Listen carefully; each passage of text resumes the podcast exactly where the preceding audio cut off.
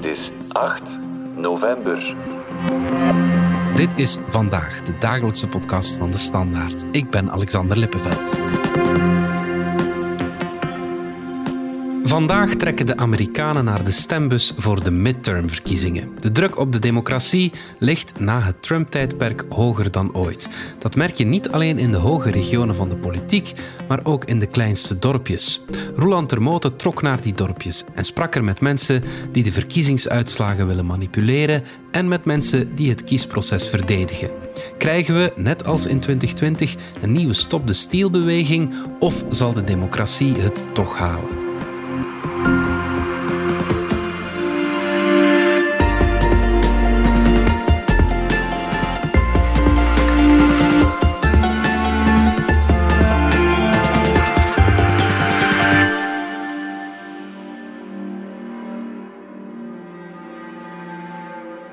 Roland van onze buitenlandredactie. Jij bent momenteel in de VS om de midterms te volgen, want morgen trekken de Amerikanen naar de stembus.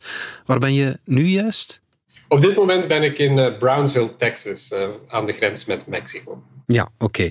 Vertel nog eens kort wat er eh, op het spel staat bij die midterms. Ja, midterms zijn de verkiezingen die plaatsvinden in het midden van de term van de president. Dus uh, twee jaar na de presidentsverkiezingen. En dan staat er heel wat op het spel. Het hele Huis van Afgevaardigden wordt verkozen. Er zijn heel veel zetels op staatsniveau die vergeven worden, gouverneurs die verkozen worden, ook andere functies. En ook in de Senaat worden uh, een deel van de zetels in de Nationale Senaat daar wordt ook voor gekozen. Daarnaast kunnen Amerikanen bepalen of ze bepaalde maatregelen, hele specifieke maatregelen, goedkeuren of afkeuren. Waar wij vooral naar kijken zijn natuurlijk die twee kamers, het Huis van Afgevaardigden en de Senaat. Wat zeggen de peilingen eh, daarover? Moeten de Democraten straks een deel van de macht uit handen geven? Wel, in het Huis van Afgevaardigden ziet het er sowieso niet goed uit voor de Democraten. Aan zich is dat ook niet zo abnormaal in midtermsverkiezingen. De partij van de president krijgt er vaak klappen. Aanvankelijk hadden de Democraten gedacht dat ze met eh, thema's als abortus bijvoorbeeld erin zouden slagen om toch ja, de Senaat misschien nipt hun uh, huidige mini-meerderheid te behouden. Dat was de hoop ergens rond de zomer en daar leken de polls ook een beetje op te wijzen.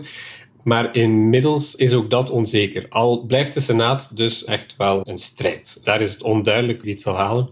Daar ligt de grootste suspense, zou ik zeggen. Ja, ja, ja, maar het zou dus kunnen dat beide kamers in handen van de Republikeinen vallen dan. Uh, dat kan zeker, absoluut. En dan krijg je ja, een soort van uh, padstelling tussen uh, president en het congres. Als het Huis van Afgevaardigden, wat heel waarschijnlijk is, in handen van de Republikeinen valt, dan zal het sowieso al leiden tot een soort van ja, politieke oorlog tussen Republikeinen en Joe Biden. De Republikeinen willen de situatie eigenlijk omdraaien en een heleboel commissievergaderingen organiseren die behoorlijk politiek geladen zullen zijn om de Democraten het vuur aan de schenen te leggen de spanning is dit jaar nog hoger dan anders. Hè? Want die Amerikaanse democratie die staat wel onder gigantische druk. Hè? Absoluut. Dat is enerzijds natuurlijk een strijdpunt van de Democraten. Biden heeft daar onlangs nog eens op uh, gehamerd. Ja, dat deze verkiezingen ook een cruciaal moment zijn voor de Amerikaanse democratie en de integriteit ervan zelf. En dat heeft niet alleen te maken met de nationale meerderheden, maar het heeft ook veel te maken met de meerderheden op staatsniveau. Verkiezingen worden georganiseerd op het niveau van counties, dat zijn een soort districten en op het niveau van staten. En dat betekent dat bijvoorbeeld functionarissen op staatsniveau een grote zeg hebben over het hele proces, hoe die verkiezingen verlopen. Soms kunnen ze ook eh, stokken in de wielen steken bij het goedkeuren van die verkiezingen. En dat is iets wat al heel relevant was in 2020, waar team Trump probeerde om een aantal van die functionarissen onder druk te zetten om het verkiezingsresultaat eh, niet te erkennen of meer stemmen te vinden dan hij had. Veel van die functies zaten toen Republikeinse functionarissen die zeiden nee, dat gaan we niet doen. Maar een aantal van de kandidaten om, uh, om, om, die functies op te nemen dit jaar zijn uh, MAGA-kandidaten die de hele stop-the-steal-theorie van Trump omarmd hebben. En dan is de vrees bij democraten, ook bij veel analisten, ja, als die mensen de macht krijgen over het verkiezingsproces, krijgen we misschien een herhaling van 2020 in 2024 of iets ergers. Ook bij president Joe Biden zindert die verkiezing van 2020 nog steeds na. You know, American democracy is under attack because the defeated former president of the United States refuses to accept the results of the 2020 election. He refuses to accept the will of the people. He refuses to accept the fact that he lost. He has abused his power and put the loyalty to himself before loyalty to the Constitution. And he's made a big lie. Wat als de resultaten tegenvallen voor de Republikeinen, Roeland? Want dat kan natuurlijk ook nog. Moeten we dan weer een bestorming van het kapitool verwachten? Wel, als de resultaten tegenvallen, dan zal het natuurlijk zo zijn dat de mensen die nu al geloven dat Joe Biden niet de legitieme president is, dat is toch wel uh, makkelijk zo'n 70% van de Republikeinen, in sommige peilingen meer, ja, dat die zeer achterdochtig zullen zijn. Zeker uh, gezien de pre-verkiezingsatmosfeer die erop wijst dat zij zouden winnen. Nu, dat is niet het waarschijnlijkste scenario. Maar stel dat het gebeurt, dan is een andere mogelijkheid ook dat het republikeinse establishment, dat eigenlijk aan het wegdeemsteren is, een argument in handen krijgt om te zeggen, kijk, die hele Make America Great Again koers, die heeft ons te ver doen afdrijven van het midden van het land en, uh, en van de kiezer. Nogmaals, het lijkt erop dat de republikeinen bijvoorbeeld in de Senaat op dit moment misschien niet de meerderheid zullen halen waarvan ze dachten die te kunnen halen, met bijvoorbeeld ja, een aantal meer gematigde kandidaten. Maar dat is nog maar zeer de vraag. Dus dat is uh, heel speculatief. Um, je hebt daar met heel wat Amerikanen gesproken. Hè? Je bezocht uh, Otero County in New Mexico. Waarom ging je net naar daar? Ja, Otero County is een heel afgelegen, dun bevolkte plek. Helemaal uh, in, in een zuidelijke uithoek van de VS. Ik heb er nog nooit van gehoord, moet ik eerlijk zeggen. Nee, als je ervan gehoord had, dan zou het kunnen geweest zijn omdat het de plaats is waar een missile range ligt, te midden van uh, echt hagelwitte duinen. En daar heeft het Amerikaanse leger in 1945 de allereerste atoombom doen ontploffen. Oké. Okay, ja. ja. dat doe je meestal niet in het midden van een stedelijk gebied. Dus dat zegt ook wel weer wat over Otero County best een bevolkt, uh, 64.000 mensen op een vrij grote oppervlakte in behoorlijk dor gebied. De reden waarom ik er was, was omdat Otero County een van de plaatsen is, een van de onwaarschijnlijke plaatsen waar alle theorieën over verkiezingsfraude toch ingang gevonden hebben. En waarom is Otero County onwaarschijnlijk? Niet alleen om, omdat het een, een kleine plaats is waar niet veel stemmen te vergeven zijn, maar ook omdat Otero County diep en diep republikeins is. 62% van de kiezers stemde er in 2020 voor Donald Trump. Zowat elke gezagsdrager in Ontario County is een republikein. Ja. En toch zijn een aantal mensen, ja, je kan hun gerust verkiezingsmissionarissen noemen, erin geslaagd om twijfel te zaaien over het eerlijke verloop van de verkiezingen in Ontario County, wat tot heel veel consternatie heeft geleid in de county en er zelfs heeft toe geleid dat de lokale bestuursraad, de county commissioners, geprobeerd hebben om het resultaat van de voorverkiezingen van dit jaar te dwarsbomen, omdat ze niet langer vertrouwen hadden in de manier waarop de stembusgang verloopt in hun county. En wie zijn dat dan, die verkiezingsmissionarissen? Ik ben langs geweest bij de county clerk. Dat is een soort uh, griffier. Die is verantwoordelijk voor de goede organisatie en het goede verloop van verkiezingen. En die kreeg eind vorig jaar plots een uh, bundel van 261 pagina's op haar bureau. En die was verzonden door een echtpaar, het echtpaar Clemens. David en Aaron Clemens. En wat ze doen is ja, lokale gezagsdragers en lokale inwoners eigenlijk opjutten tegen hun uh, verkiezingsfunctionarissen, tegen de autoriteiten. Door te zeggen, ja, de stemmachines hier, die zijn gecompromitteerd, de resultaten van jullie verkiezingen zijn vals, Joe Biden is helemaal niet de echte president. En kijk, hier is het bewijs. Hoppa, dan komt die bundel van 261 pagina's op tafel. En in Ontario County zijn ze erin geslaagd om een aantal mensen op een kar te laten springen. Eén daarvan was ja, een lokale functionaris en die heette Cooey Griffin. I think um, possibly before Trump, I think we were very asleep to a lot of the things going on. You know, I think whenever uh, the Trump presidency came along, I believe that Trump had a new message. He didn't come up through the political ranks like the the Clintons and the Bushes and and the Kennedys, you know, and these families that have always controlled politics. So Trump had a new message. He had an exciting message, and it was a message of nationalism. It was a message of putting our country first, putting America first, embracing our country with with patriotism, and once again becoming proud of of our country. Cooey was eigenlijk al een uh, originele Stop the Stealer. Al in 2019 was hij een uh, zogenaamde Cowboy for Trump. Dat zijn een aantal mannen die in het zadel gesprongen zijn en Washington binnengereden zijn te paard. En toen ging hun statement vooral om de grensmuur die Trump wou optrekken aan de grens met Mexico. Democraten lagen toen dwars in 2019 als het ging over de financiering daarvan. Dus op dat moment is hij, eh, ja, zijn toen de ogen open gegaan. En sindsdien uh, is hij fervent Trumper geworden.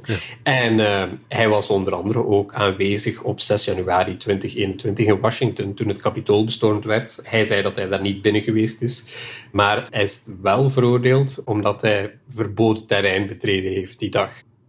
David en Aaron Clements vonden een bondgenoot in Cowie, omdat hij een lokale gezagsdrager is. En samen overtuigden ze ook de twee andere mensen in de County Commission, uh, dat zijn allemaal republikeinen, dat er echt wel iets scheelde aan de verkiezingen. Ook al zei uh, de griffier waar ik mee sprak, ja, nee, dat, uh, dat klopt helemaal niet. De aantijgingen die ze hadden, die waren fout. Hun begrip van hoe het verkiezingsapparaat werkte, dat is inaccuraat. We luisteren even naar Robin Holmes, dat is die griffier.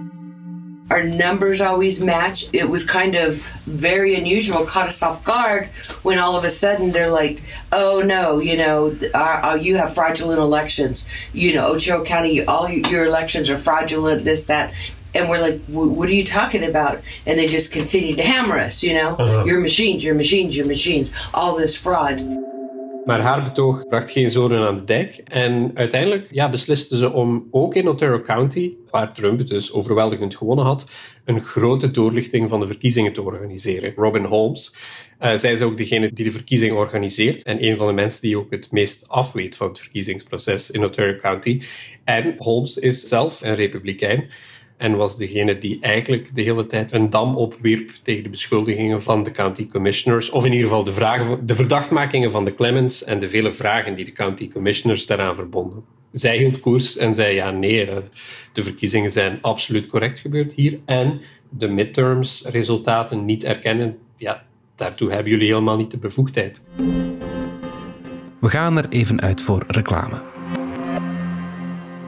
Wat vind jij nu zo fijn aan bouwen met Lego-stenen? Ja, hoe moet ik dat uitleggen? Het is echt ongelooflijk. Als je met Lego-stenen bezig bent, dan verliest je echt alle besef van tijd. En dan is het klaar en dan heb je altijd iets moois om naar te kijken en waar je fier op bent. Dat jij dat gemaakt hebt. 73% van alle volwassenen is op zoek naar nieuwe manieren om even los te breken uit de dagelijkse hectiek. Zoek snel naar Lego-sets voor volwassenen en maak tijd voor jezelf. Je ging ook naar de staat naast New Mexico, dat is Arizona. Wat zeiden de locals daar? Well, Arizona is ground zero eigenlijk voor ja, verkiezingsontkenners. Arizona is de plaats waar een van de grootste audits georganiseerd is in de nasleep van de verkiezingen van 2020, omdat eh, Biden de staat gewonnen had met een kleine marge van slechts 10.000 stemmen. En het was een van de plaatsen waar er eh, heel grote druk stond op ook de lokale republikeinse gezagsdragers om eh, te gaan hertellen en ook het proces van het tellen van die stemmen stil te leggen. En daarna kwam er ook druk om een doorlichting van de verkiezingen te organiseren. De staatssenaat heeft dat goedgekeurd. En toen is het gekomen tot een audit die eigenlijk georganiseerd werd door Trump-aanhangers. En zij zijn maanden in de weer geweest met stembiljetten. Zij hebben herteld, zij hebben die stembiljetten gefotografeerd. Op een bepaald moment gingen ze op zoek naar sporen van bamboe in de stembiljetten op basis van een theorie dat er massaal illegale stembiljetten zouden ingevoerd zijn uit Azië. Uh, al die dingen hebben ze onderzocht en uiteindelijk kwamen ze toch tot de conclusie dat ja, na hertelling Biden nog net iets meer stemmen had gekregen in Arizona dan aanvankelijk gedacht. Maar toen hebben ze het geweer van schouder veranderd door zich toch te blijven richten op ja, alles wat ze verdacht vonden aan het kiesproces open vragen, speculatieve theorieën, die zijn ze blijven verspreiden. En dat heeft uh, ja, verder een sfeer van wantrouwen gecreëerd die niet weggegaan is in Arizona. En hoe merk je dat wantrouwen vandaag dan nog? Ik was aanwezig bij een bijeenkomst van Flashpoint Live, een tv-show die zichzelf omschrijft als conservatief en profetisch. I am a Christian. I am a patriot. I stand for truth. When no one else will. I know, no matter what happens in the world, there are others like me who follow Christ, not culture. Er waren enkele honderden mensen aanwezig. En Flashpoint Live is een tv-show die eigenlijk deel uitmaakt van een groeiende christelijk-nationalistische beweging in de VS. En die beweging die verzet zich in zekere zin tegen alles wat te maken heeft met de Democratische Partij. En dat verbinden ze aan eigenlijk een soort wereldvreemde stedelijke elite die coronavaccins opdringt, mondmaskers, lockdowns, maar ook transgender curricula op school. En de sluitsteen van dat geloof is dat diezelfde mensen die daarvoor verantwoordelijk zijn ook de verkiezingen gestolen hebben.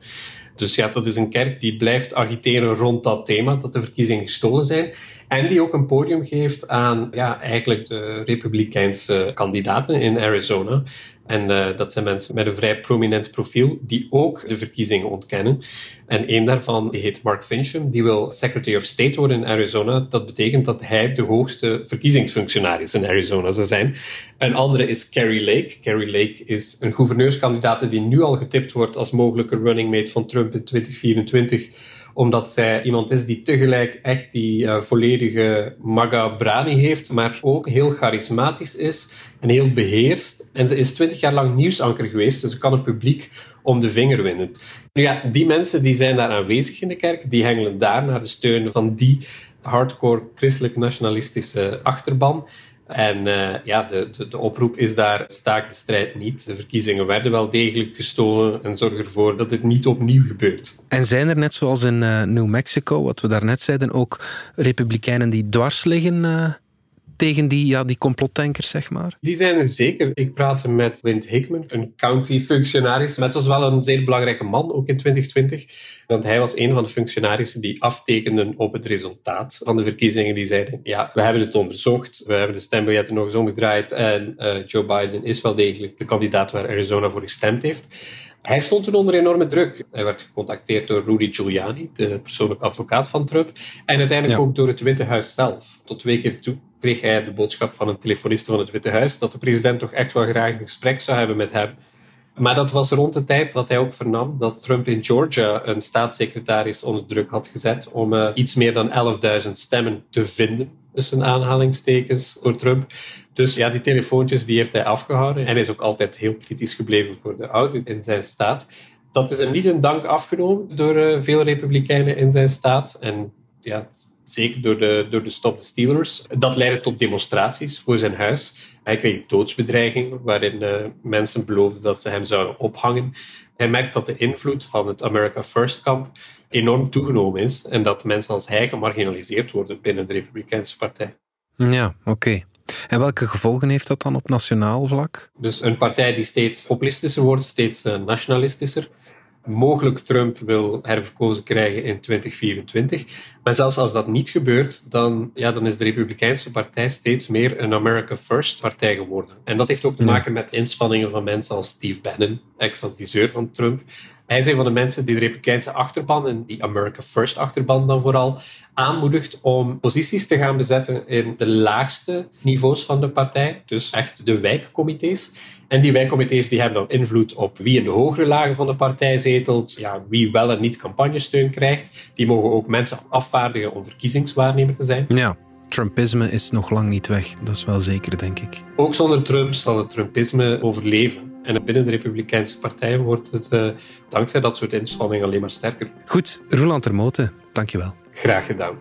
Blijf nog even hangen voor je naar iets anders luistert, want ik heb een luistertip, een bijzondere nieuwe podcastreeks van de Standaard. Waar lig jij wakker van? Wat moet ik opgeven voor mijn kind? Dat ik mij schuldig moet voelen over het klimaat. Vijf jonge redacteurs van de Standaard gaan op zoek naar antwoorden op persoonlijke vragen in de podcastreeks Klaar Wakker. Als ik nu voor het aan jou zou vragen van wat is voor u thuis zijn? Hoe kunnen we samen veiliger uitgaan? Is dat huis en die zekerheid mij dan zoveel waard? Beluister onze verhalen in de podcastreeks Klaar Wakker via je favoriete podcast-app of op standaard.be-klaarwakker. Dit was vandaag de dagelijkse podcast van de Standaard. Bedankt voor het luisteren. Volg ons op Spotify, Apple Podcast of eender welk ander podcastplatform. In onze gratis FDS podcast kan je niet alleen ons werk beluisteren, maar ook de beste podcasttips terugvinden, met zorg geselecteerd door onze redacteur Max de Moor. Alle credits van de podcast die je net hoorde vind je op standaard.be-podcast. Reageren kan via podcast.standaard.be. Morgen zijn we opnieuw.